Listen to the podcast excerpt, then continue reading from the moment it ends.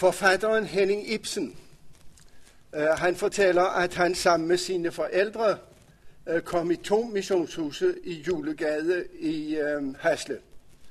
Og det ene sted, der snakkede de med norsk accent, og det andet sted, der snakkede de med svensk accent.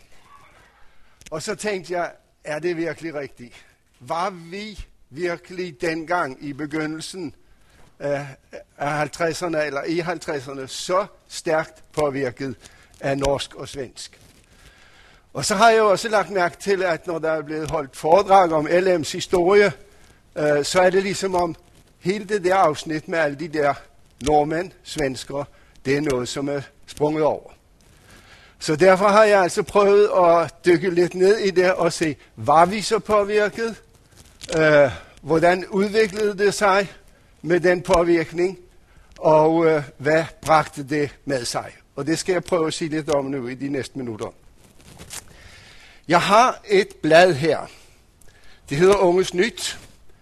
Og det er et månedsblad, som blev udgivet af Luthers Missionsforenings ungdomsafdeling og redigeret af min far.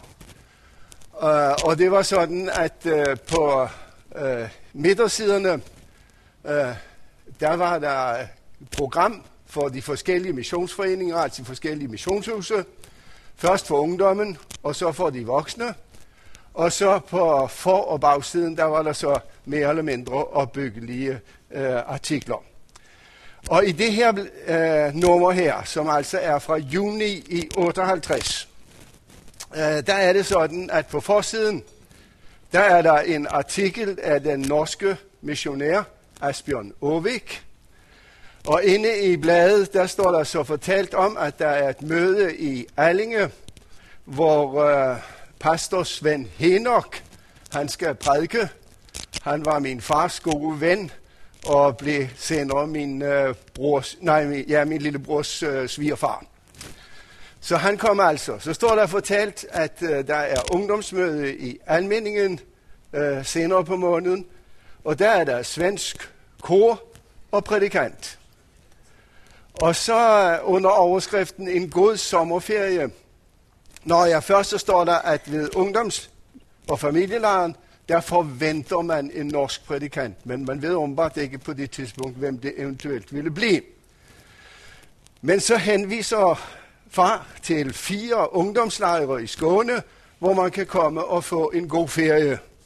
Og så er der nordisk stævne i Halden og søndagsskolekursus på Fjellhav i Oslo. Så kom ikke og sig, at der ikke var øh, kontakt både til Norge og til Sverige.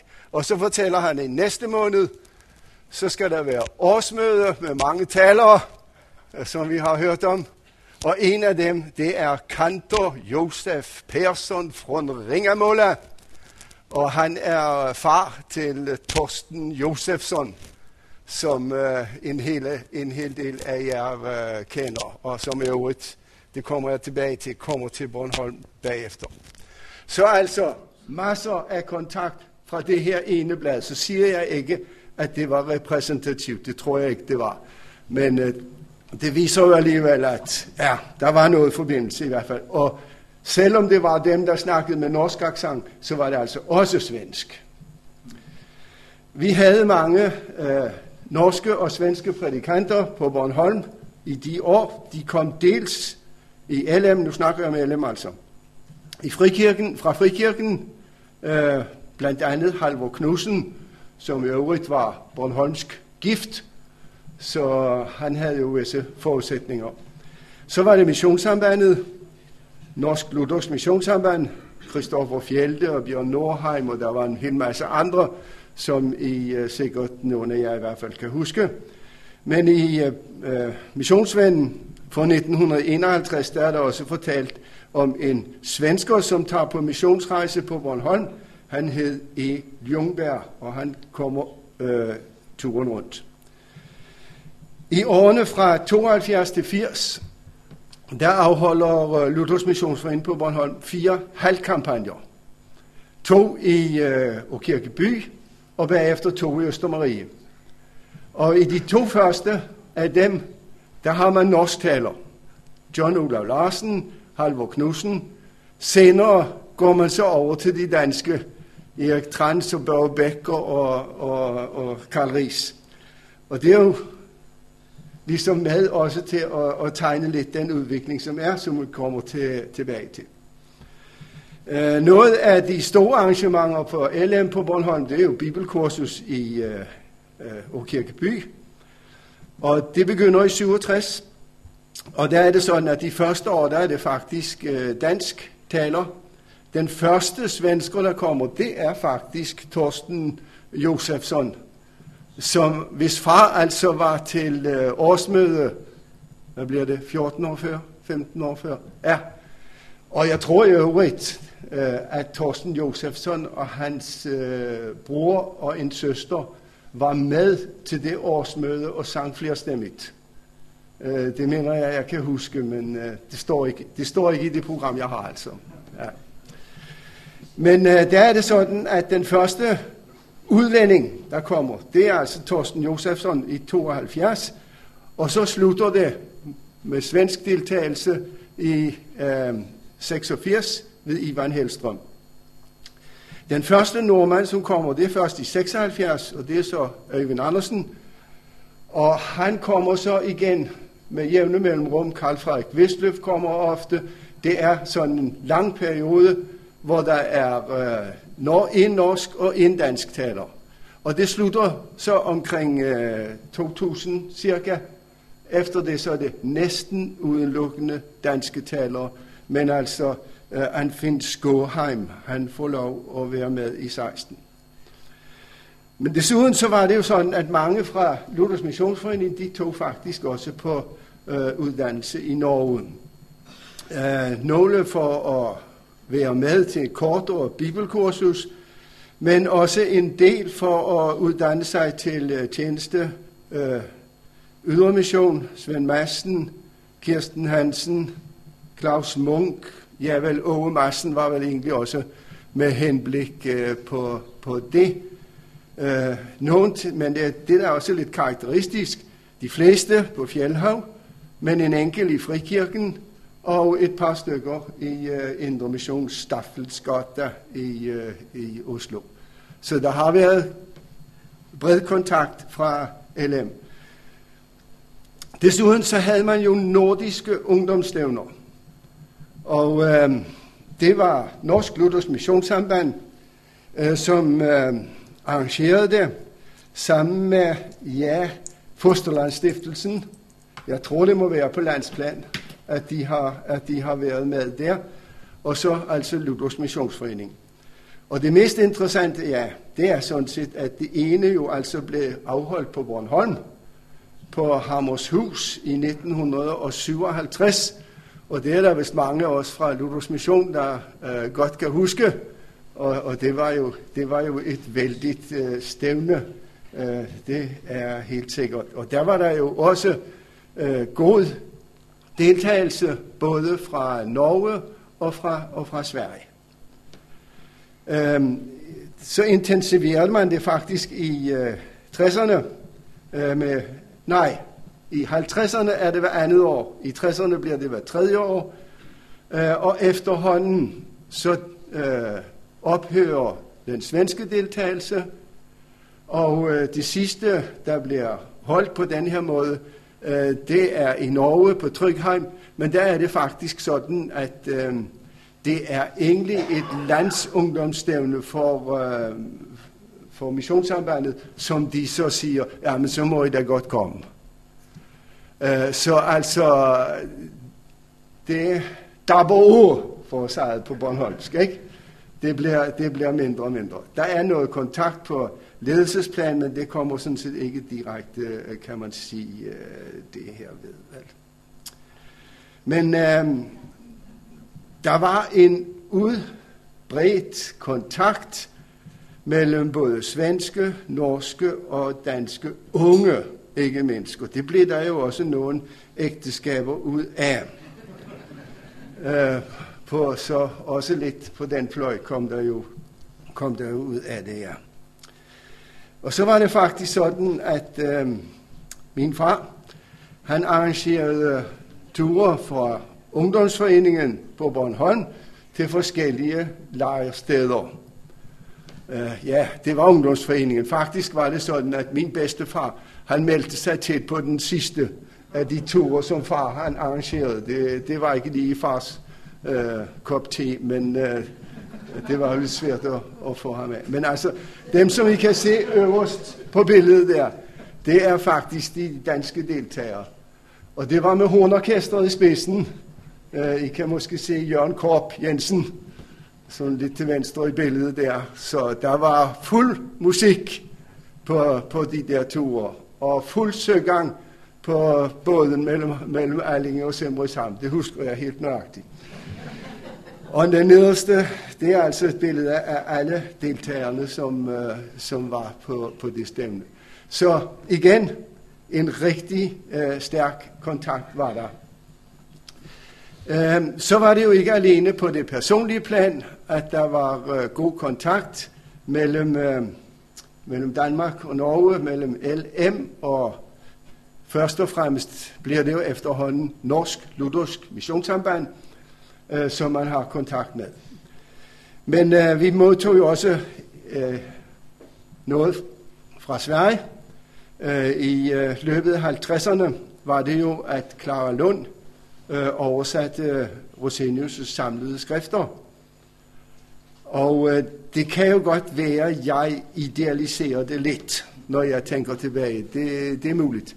Men øh, jeg synes jo faktisk, at øh, vi læste unge, vi læste Rosenius øh, sådan nogenlunde i, ja, i hvert fald noget af det efterhånden, som, øh, som de udkom. Jeg fik dem forærende af min far, kan jeg huske. Så øh, ja, jeg tror vi, at det var med til at, og præge øh, også øh, troen og, og livet i de år der. Så var der jo en masse oversættelse fra norsk. Øh, dansk luthersk forlag Øh, nogen kaldte det norsk luthersk forlag, men øh, det var der faktisk noget andet, der hed, nemlig øh, Frikirkens forlag, hed norsk luthersk forlag. Men øh, det var meget oversættelser fra norsk, og hvis det ikke var oversættelser, så læste vi det på norsk. Det kunne man dengang. Øh, Øyvind Andersen, ja, noget af Øyvind Andersen blev oversat til, til dansk, men vi læste jo også hans bøger Frederik Vestløfs, Karl Frederik Vestløfs bøger, øh, og måske ikke mindst Asbjørn Oviks bøger øh, blev læst øh, i meget stor udstrækning på den tid. Man forsøgte sig også med et fælles øh, ungdomsmagasin, det var jeg faktisk selv øh, engageret i øh, i nogle år der, men nej, der var forskellene nok for store, og det var nok også på et tidspunkt, hvor interessen for samarbejde mellem Norge og Danmark, den var ved at, at æbe ud, altså. Ja. Men så modtog vi selvfølgelig en masse øh, påvirkning fra Norge gennem øh, de øh, sange. Øh, det var jo sådan, at i min bedstemors og vel også i min mors tid, der havde jo en hvert medlem af en ungdomsforening i øh, LM, de havde deres egne skrevne sange. Håndskrevne sange i et lille øh, hæfte. Jeg har, øh, nogen var med i, i sangkoret og sang det med guitar øh, becifringer øh, på derfra. Og andre, de sang bare med, når der var ungdomsmøde. Og sådan nogle øh, sange har jeg, eller sådan nogle hæfter har jeg et par stykker af derhjemme. Og senere øh, i min tid, så skrev vi dem på maskine, men det var norske sange, og meget ofte var de dårligt oversat. Så altså, når vi, hvis vi snakkede norsk i missionshuset, øh, så var det nok meget, fordi vi sagde kvæld i stedet for aften og sådan noget, fordi det, det skulle rime på et eller andet andet. Så, så, så det var jo nok meget sådan øh, præget af det. Men det var selvfølgelig også i, øh, i sangbogen, at der var øh, øh, norske sange. øh, Øh, jeg har lavet lidt statistik her, altså i Luthers Missionsforenings sangbog fra 93, øh, der er der 77 norske sange, 12 procent. Men der er 165 svenske, øh, og det er, fem, det er dobbelt så mange. Men så er Lina Sandel halvdelen. Ja, og i, i ELM's øh, bog fra 2001, der er der kun 55 norske sange, men til gengæld er der 285 svenske. 43 procent, næsten hver anden. Og af de svenske, så har Line Sandel altså lavet 125. Værsgo, spist. Ja. Øh, så der er jo ingen tvivl om, at øh, den personlige kontakt har været stor, øh, men altså også kontakten på, på anden vis gennem det skriftlige har været ganske, ganske stor. Hvordan udvikler det sig så øh, i tiden efter 2. verdenskrig? Ja, jeg mener jo, at netop det, at Norge og Danmark havde fælles skæbne under krigen, Øh, nok også er medvirkende årsag til, at der meget hurtigt bliver et genetableret kontakten mellem, øh, mellem Norge og, og, og Danmark. Det var en overkommelig udenlandsrejse øh, til et spændende land, og så var det et sprog, man sådan nogenlunde kunne forstå, og det var jo en tid, hvor, hvor der ikke var så forfærdelig mange, der snakkede fremlandsk. Øhm, og så fandt vi jo øh, en teologisk overensstemmelse øh, med øh, Danmark, mellem Danmark og Norge. Og det var jo ikke kun en organisation, som Luthers Missionsforening øh, knyttede til. Det var både Frikirken, ja, øh, det er vel nok sådan, at den, den kontakt til Frikirken, den bliver mindre efter 50 og så, og så, og så udover. Og så bliver det mere og mere missionssambandet. Øh, min far øh, bliver inviteret til et medarbejdermøde i øh, Indre Mission i Oslo, Staffelsgata. Og han udvider den rejse. Og typisk for ham, Øh, så fik han besøgt både Frikirken og Missionssambandet og Vestlandske Indre Mission, før han tog til det her Indre Missionsmøde, og så fik han oven i købet holdt et par møder også undervejs. Øh, så han havde et rigtig øh, bredt kontaktnet og, og gjorde så også en hel masse for, at, for at udvide det. Så kan man spørge, hvorfor øh, bliver det så mindre? Altså hvorfor kan vi konstatere, at i løbet af 60'erne, i hvert fald 70'erne, 80'erne, så bliver der mindre og mindre. Og jeg tror jo nok, at noget af øh, øh, forklaringen ligger i Norge, og noget ligger i Danmark. Øh, de norske missionsorganisationer, de vokser stærkt i løbet af 60'erne. Og øh, det er ligesom om, øh, jeg rejste lidt deroppe på de tidspunkter, og, og man følte nok meget sådan, vi kan selv. Øh, desuden så var det jo sådan på øh, Fjellhav i hvert fald, at man havde ret meget kontakt til engelsksproget, der kom ret mange folk fra USA, og øh, det var vel også sådan, at der var mange nordmænd, som var rejst ud, øh, emigreret, som kom tilbage og sådan noget. Så, ja. Og så var der jo også det, at de norske øh, missionsorganisationer, de var hurtigere til at tage den nye musik til sig. Øh, og det, det prægede øh, også, tror jeg, at øh, man sådan lidt øh, holdt sig lidt tilbage. Når det gælder Sverige, jamen så var det jo den store fordel, at der var så nær til øh, Sverige, specielt til Skåne. Men efterhånden, altså den teologiske overensstemmelse, som vi følte i forhold til, øh, til Norge, øh, den formindskedes i forholdet til, øh, til Sverige, til, til Fosterlandsstiftelsen. Fosterlandsstiftelsen, som bliver en missionsrørelse inden for Svenska kyrkan, og som også mere og mere mister sit fodfæste i, øh, i Skåne, så vidt jeg er, er orienteret. Så, så det, er ligesom, det, bliver, det bliver mindre øh, efterhånden.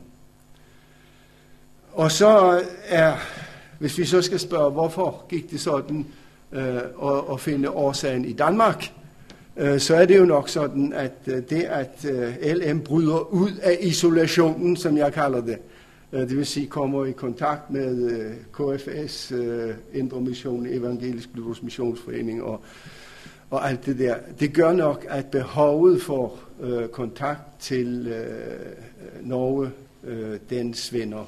Og så er der nok også en, en ren person forklaring i det Wilhelm Munk og, og min far, Kai Pedersen, de, øh, de flytter. Um, hvad fik vi så ud af den der kontakt til Norge? Jeg har fem minutter nu, har jeg ikke det? Tre. Tre, okay. Øhm, ja, det skal man lade være med at spørge om. Øh. jo, men jeg mener jo faktisk, at vi i hvert fald i 50'erne fik en friskere vækkelsesforkyndelse. Måske også en lidt mere pågående vækkelsesforkyndelse øh, fra, fra Norge, og at det selvfølgelig kan blive for meget, men at det egentlig var, var noget, der var behov for, og som, og som var, ja, det var noget med guitar og, og, og sådan lidt øh, forskelligt. Det, og det tror jeg da øh, var øh, vigtigt.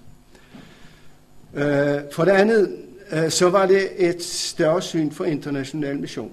Og det er selvfølgelig først og fremmest øh, Norsk Luthers Missionssamband, øh, som skal have ære for det.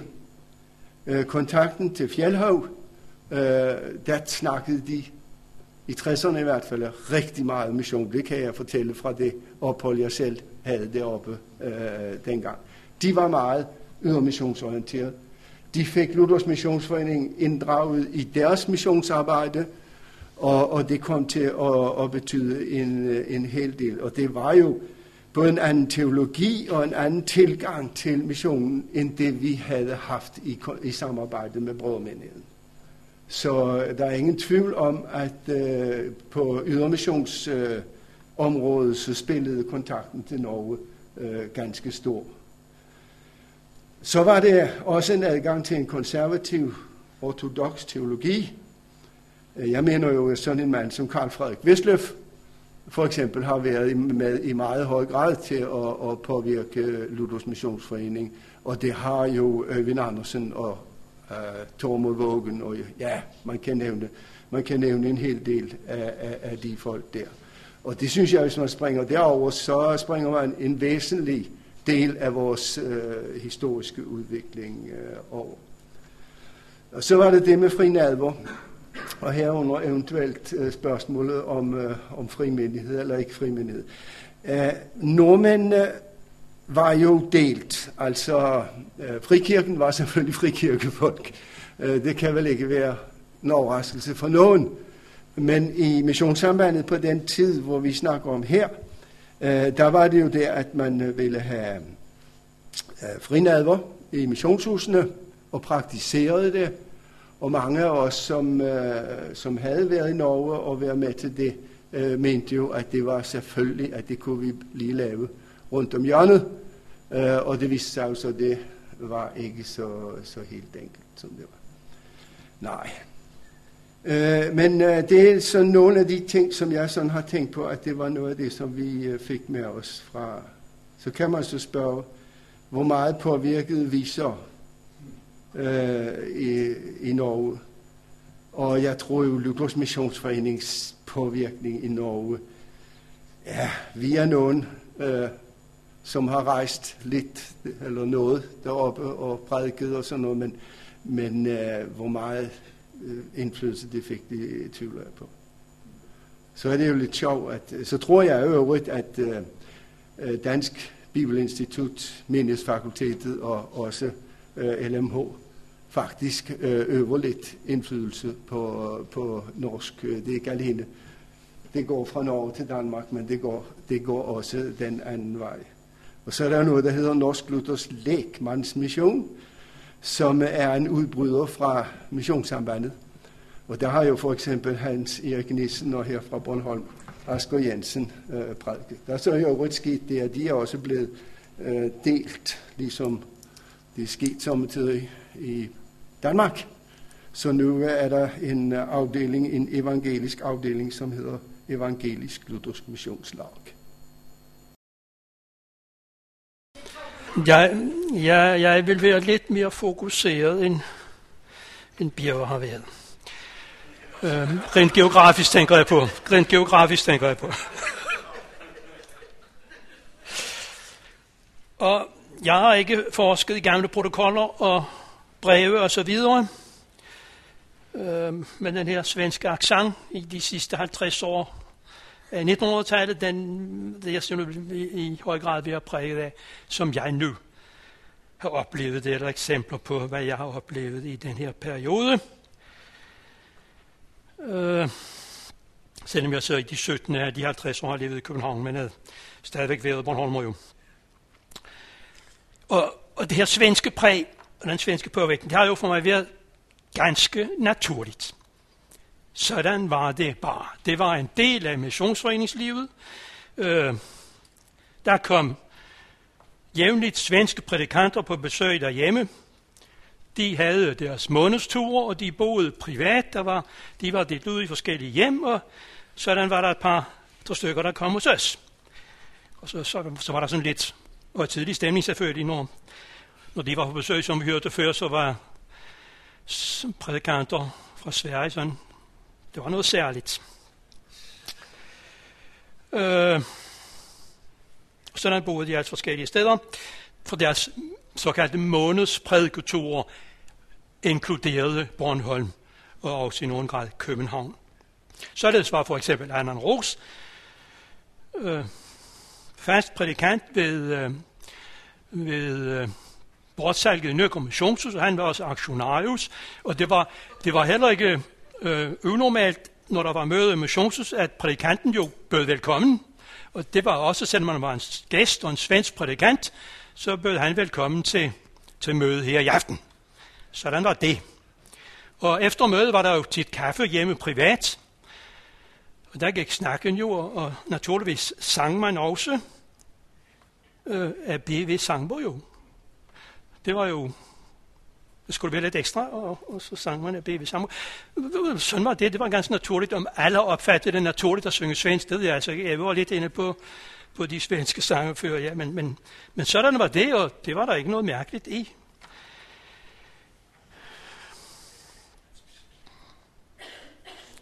Og det var så også med til billedet, at der var faktisk nogle få af de der svenske prædikanter, som talte et ret godt og næsten perfekt dansk.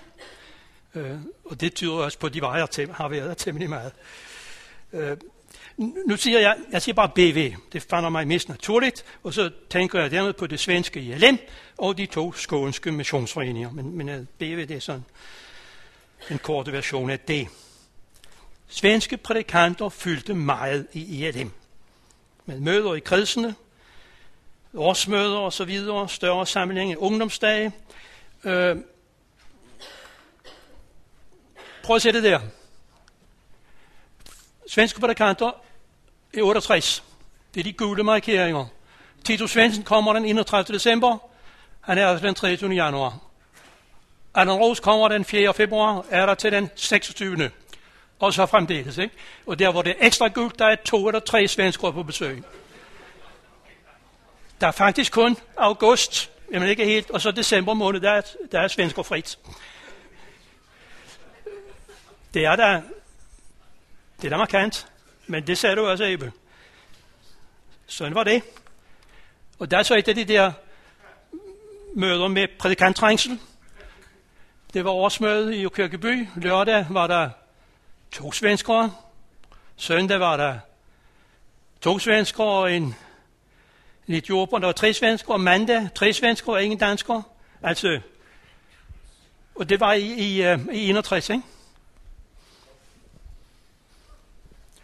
Så Sverige fyldte noget i ELM, også så sent i 1900-tallet.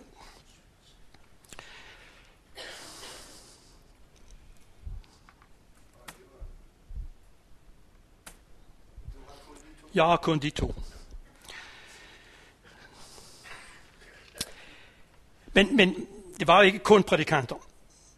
Ungdomsdage var der her på Bækkely. Øh, der kom i nogle år en hel del unge fra Sverige, Øh, hvilket så også medførte, at der lederne havde temmelig svært med at få overholdt ordensregler og sengetider osv., men det er så en anden sag. det er, når svensker kommer til Danmark, så, så, så er det ligesom, der bliver mere luft. Så kan de, så kan de tillade sig lidt mere, end de kunne derhjemme. Øh, øh.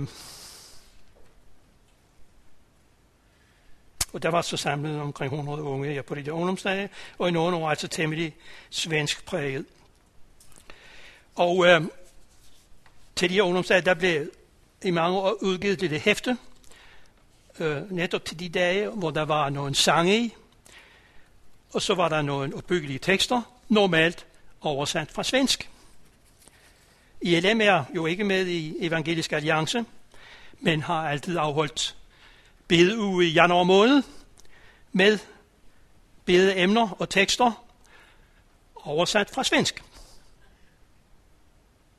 Og så var der naturligvis også udveksling af sangkor og forskellige andre ting. Og, og ikke mindst på det personlige plan var der jo også meget kontakt mellem de der tilrejsende prædikanters familier osv. osv. Der var besøg, der var kontakt på mange måder. Og i mange ELM-hjem lå der jo også de svenske blade, naturligvis. Vi havde der BV's missionstidning, og det er jo så lidt naturligt, for det vores danske missionærer blev sendt ud via BV i Sverige, og information om ydermission fik man i missionstidningen. Men der var også øh, ungdomsbladet. Der var en del steder i hvert fald de to skåneforeningers missionsbladet, som mange her på Bornholm abonnerede på, som den mest naturlige sag. Jeg tror, det var mere udbredt end, end mørk og lys, øh, en periode for mørk og lys. Det var mit jysk, mest jysk, og ledestjernen var så det danske. Men af de svenske, eller slutter var, var så det Bornholmske, ja. Da jeg kom til Bornholm, så fandt jeg 20-25 år gamle nye vægtere. Dem fandt jeg indbundet hos munkene i Olsker. Og det siger så også lidt om den status. Når det var så nye vægtere, ja, for, for den, den fik jeg aldrig nævnt. Axel B. Svenssons, formand for BV, markante leder af BV, han redigerede og skrev det meste af bladet selv, Nye Vægteren, den blev sendt ud af alle øh, svenske præster, og blev også læst, i hvert fald fået, af mange Bornholmer. Og der fik jeg altså indbundet den for, jamen altså, det var jo det var noget særligt, det var det her svenske Nye Vægteren, det skulle man ligesom have. Det siger så lidt om Axel status, men også om Sveriges status i ELM på det tidspunkt. Øh, lidt af den samme status måske også. Vi var nogle unge, der tog øh, til Nordsverige på ungdomsdag et år. Og vi skulle naturligvis om øh, Stockholm ind på ekspeditionen der, BV's ekspedition. En hver bevægelse har vel sine helligsteder, så det, det skulle vi også.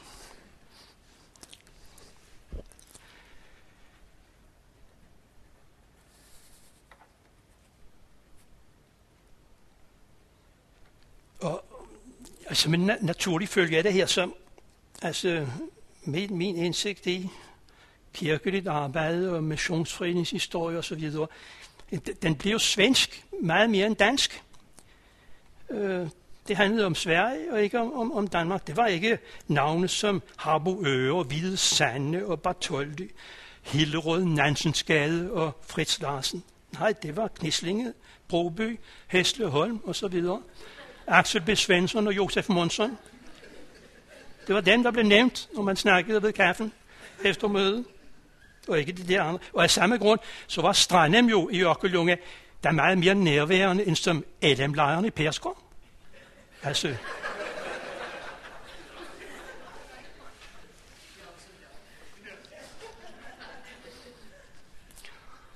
nu, nu har kristendom jo ikke et, et helligt sprog ligesom for eksempel muslimerne har arabisk. Og jeg tror heller ikke, at nogen troede, at Bibelens grundsprog var svensk. Men Rosenius hemmeligheder var i hvert fald skrevet på svensk. Og så kunne man jo også godt, som vel nævnt før, at en spore en vis svensk tone, apropos det norske hos Birger, i prædikanterne. Peter Ove Bak han skriver i anledning af vores 100-års jubilæum i 1992 en sang, hvor han så trækker nogle karakteristiske træk frem fra en del prædikanter. Og så står der nogle prik, og så skal man gætte navnet og, og så synge det med. Øh, der, var, der var et vers, det var så uden, uden navn, hvor man, så man skulle gætte. Men der står, nogen har en kærlighed til svensk og det, som ligner. Siger helst delagtighed, når de til sidst velsigner. Men mærk en stærk bundethed til skriften, er det bedste kendetegn trods alle tiders skiften. Altså, der var en svensk tone hos nogen mere end andre naturligvis. Altså et ganske markant svensk præg langt op i sidste halvdel af 1900-tallet. Det kan der ikke herske nogen tvivl om. Det har jeg selv oplevet. Og hvad har det så betydet, kan man spørge om. Ja, meget fremgår af den her bog, og det vi har hørt om, om, om påvirkningen og magten og så videre fra Sverige. Øh, de mange trængsels, prædikant trængselsmøder, som Ebbe kalder det, de, de er også kommet fra Sverige.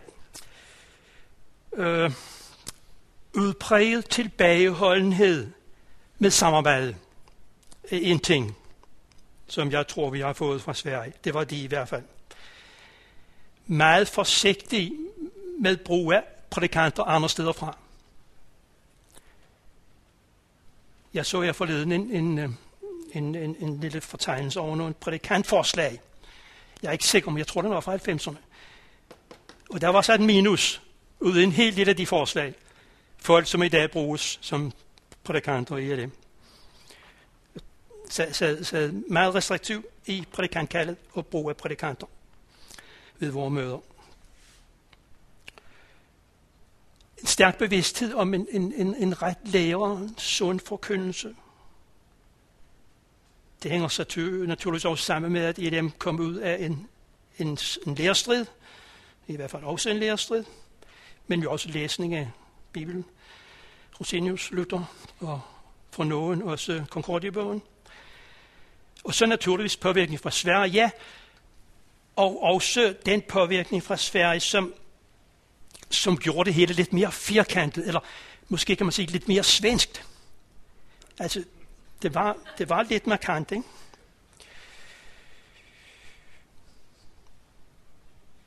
Og kan man ikke spørge en vis forskel på det her svensk præget fra Østdanmark til Jylland, og det fik vi jo også vide før, der var forskel på,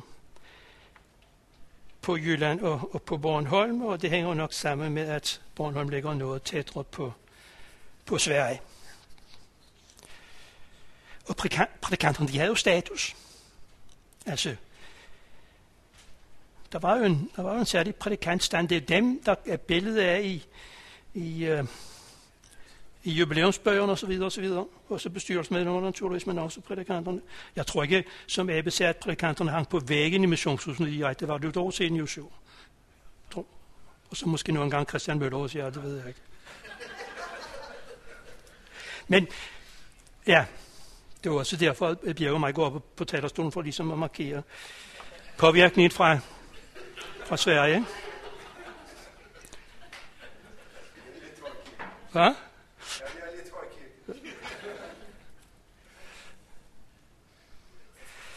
Det kan godt være, at svensk kultur, der spiller ind her. Ja. Og så et, et, et lille element mere, et element mere. Altså, BV havde jo en modpol, at man sige, EFS, Evangeliske Fosterlandsstiftelsen, som de var sprunget ud af, og som de skulle markere sig overfor. Ja, dem altså LM. Øh, og jeg tror, altså, Derfor blev LM og EFS sådan sat lidt i samme bås. Der var BV og ELM, og så var der LM og EFS, så de blev ligesom lige stillet. Men i Sverige var et af de stridsspørgsmål, der fik, øh, blev var årsag til, at Bibeltronerne blev stiftet, det var jo bibelsyn. Det var et element i den strid, og det var jo ikke på samme måde tilfældet her i landet mellem LM og ELM. Men jeg tror faktisk, uden at vide det, at, at den her ligestilling mellem EFS og Adam har gjort Adam lidt værre, end de faktisk var. Men, men altså, jeg spørger mig ikke om dokumentation, men, men, men det at man satte dem lige der, det kan godt have spillet ind, tror jeg, på, på det. Øh, men øh, det æbbede jo ud, det her, som også Birger var inde på, gradvist. Men altså langt op i sidste halvdel 1900-tallet var det jo meget svensk præg. Og hvorfor så? Det kan man spørge. Hvorfor æbbede det ud, og hvorfor blev det mindre?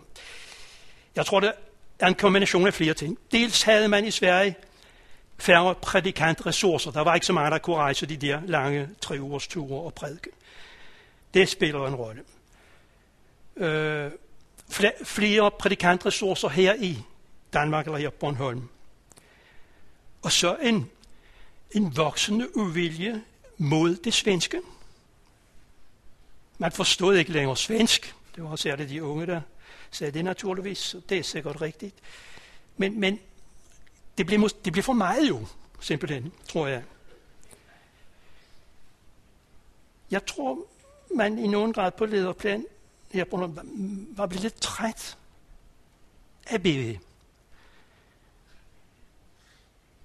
Man kendte jo til uenigheder i Sverige. Dem fik man jo også, dem blev man også en del af, selvom splittelserne og uenighederne i BV ikke blev eksporteret til Danmark. De gjorde det ikke, men man kendte til det. Enten så var mellem Axel B. Svensson og Simon Rosten, eller det var mellem BV og ACSG sympatisører. Altså ACSG, det er jo det svenske KFS, og der var, der var nogle uenigheder dem imellem. Eller det var dårlig behandling af, af ydermissionærer osv. osv. Der var, der var diskussioner derover, og de kom også til Danmark. Og der tror jeg, man meget ofte var på linje med, eller tog parti for dem, der var i opposition mod bestyrelsen i Stockholm her på Bornholm. At, at man var på de andre side normalt. Det tror jeg faktisk. Så man var, man var lidt træt af BV. Så kan man måske også sige, at om, om, om jeg dem så ikke markeret for lidt måske, og, og i højere grad sagde sin mening og, og, og gjorde argumenter gennem over for BV. Det ved jeg så ikke. Men, men øh, det blev i hvert fald til færre prædikantsbesøg, efter en mere sporadisk bare. Der kom enkelte nordmænd ind i billedet. Og der har også været kontakt hele vejen igennem. Der, der arrangerede en ILU, en dansk ILU, ungdomslejre i Sverige, og der var også et år, hvor vi havde landsungdomsstæmmet liggende i Sverige, så der har været kontakt på flere måder, men, men det er meget lidt i dag.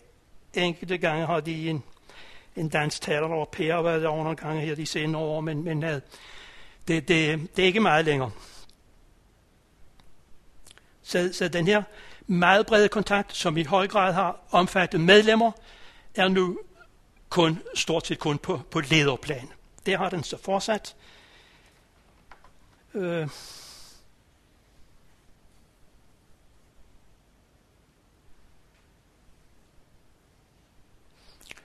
Hvad var det, jeg skulle sige der?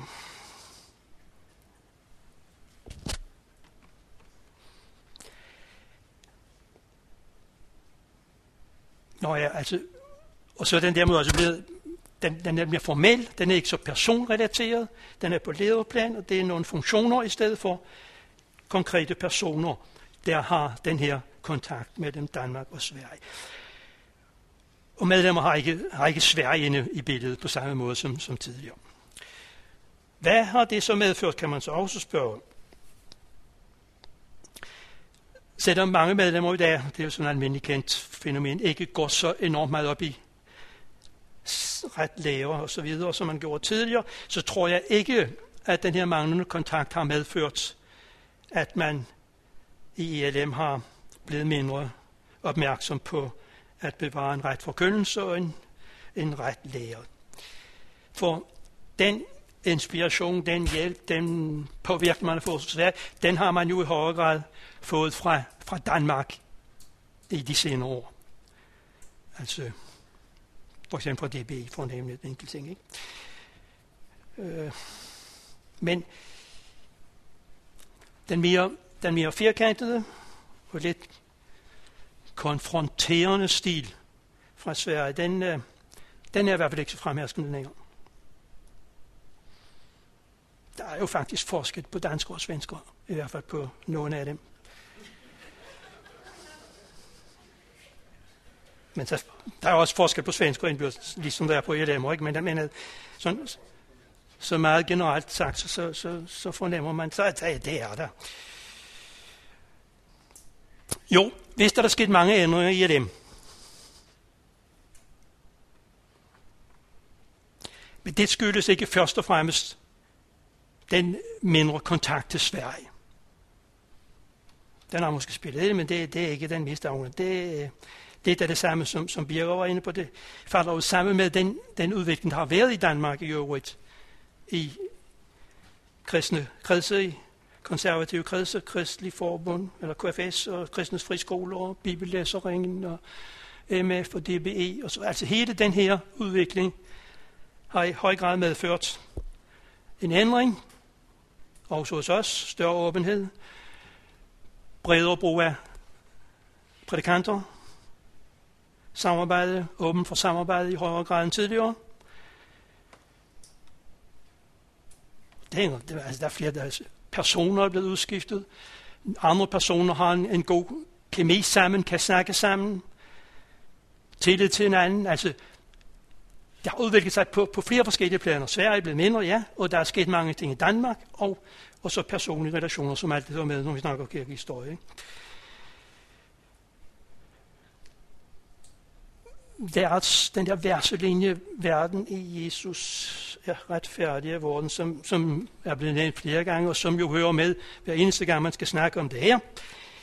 Øh, jeg tror ikke, at ledelsen på Bornholm tonede den her sag ned. Men jeg tror, nej, jeg tror ikke, der var, jeg tror ikke, der var en holdningsændring, der, der, der skete. Men mere et ønske om, ikke i tide og utide at markere det. Man stod for det samme, tror jeg, men mente jo nok, at formuleringen måske var, var lidt uheldig, og der er man vel så på linje med Rosinus. Men i den her forsamling skal jeg overhovedet ikke gå ind i, hele den diskussion. Hvilket alle vil have forståelse for.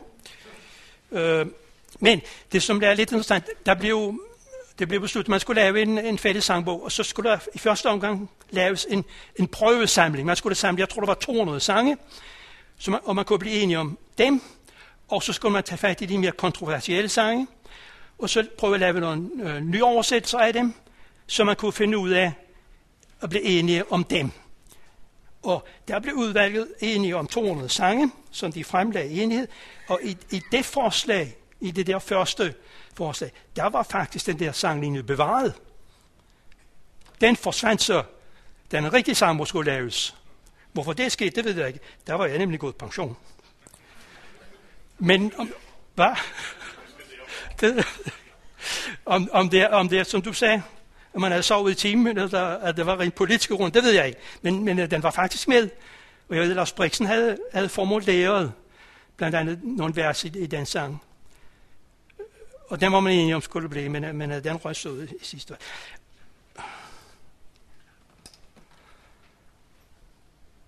Jeg er ikke færdig. Nej. Men, men find viste en papir. Hvem, hvem er det, der har sat 25 minutter? Hvad er det? Birger eller dig? Nej, jeg har ikke snakket. øhm, den modsatte vej. Har der ikke været påvirkning den modsatte vej fra Danmark til Sverige? En massiv påvirkning fra Sverige til Danmark i de her 50 år. Men så gradvist forsvundet. Hvad er der sket den modsatte vej? Der var, der var prædikanter, som rejste til, til Sverige. Til de større møder primært ved BV's 100-års jubilæum i 2011, der bragte jeg en hilsen, ikke sådan en kvartersprædiken, som, som Ebbe var en om, men, men en, en hilsen. Og der opfordrede jeg faktisk til, det var måske lidt hårdmodigt for en dansker, at man fra BV's side så lidt mere og lod sig inspirere fra Danmark.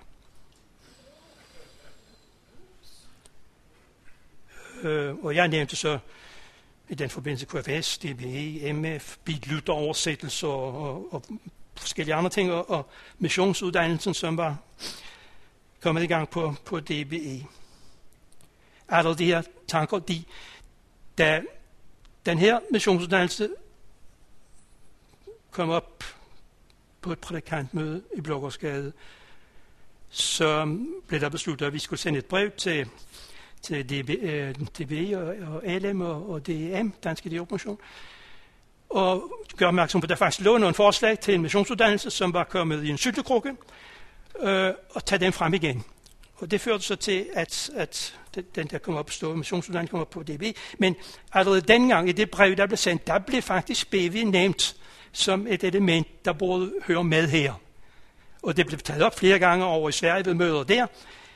Men, men øh, det vagte ikke genklang. I dag, hvor strukturen på den der uddannelse er fuldstændig ændret, er BV faktisk tilknyttet uddannelsen. Men, men det tog altså en hel del år. Det er svært for storebror at lære noget af den lille, som man i mange år har betragtet lidt som en filial. Men, men, men øh, det kan altså lykkes.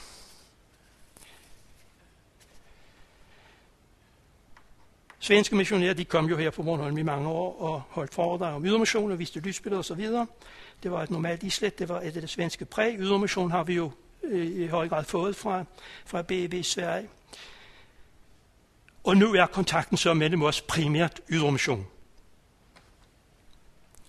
Det var på grund af ydermission, at jeg sad deres, i deres bestyrelsesmøde, øh, i deres bestyrelse i 35 år vel. Øh, det var på grund af ydermission, og på et tidspunkt så skulle de lave en ny strategi for, for deres missionsarbejde, og det tog mange møder og mange snakker, men den, den første strategi her øh, på Etiopien og den blev faktisk skrevet på dansk. Så blev den oversat til svensk, og så blev den oversat til engelsk. Så, så øh, lidt har de altså fået fra, fra os her i Danmark. Og i dag har vi stadigvæk repræsentanter, to stykker ved deres missionsnævn i BV. Så vi har altså i hvert fald sat vores præg på deres ydermission. Og det har så også medført lidt tættere kontakt mellem BV og LM. Altså hvor Sverige før har været medvirkende til at skille LM og ELM ad, skabe afstand der, så har ELM altså været med til, at LM og BV nærmer sig hinanden lidt. Og det synes jeg, det er et interessant tanke. For eksempel i forbindelse med missionsuddannelsen. Men, men der er nok også andre eksempler. Og, men ikke, det er svært at at få de store til at flytte sig. Men, men altså, det er samtidig lykkes det. Øh, men nu, nu tror jeg, vi er på vej ud af emnet Bornholm, så, så nu er jeg færdig.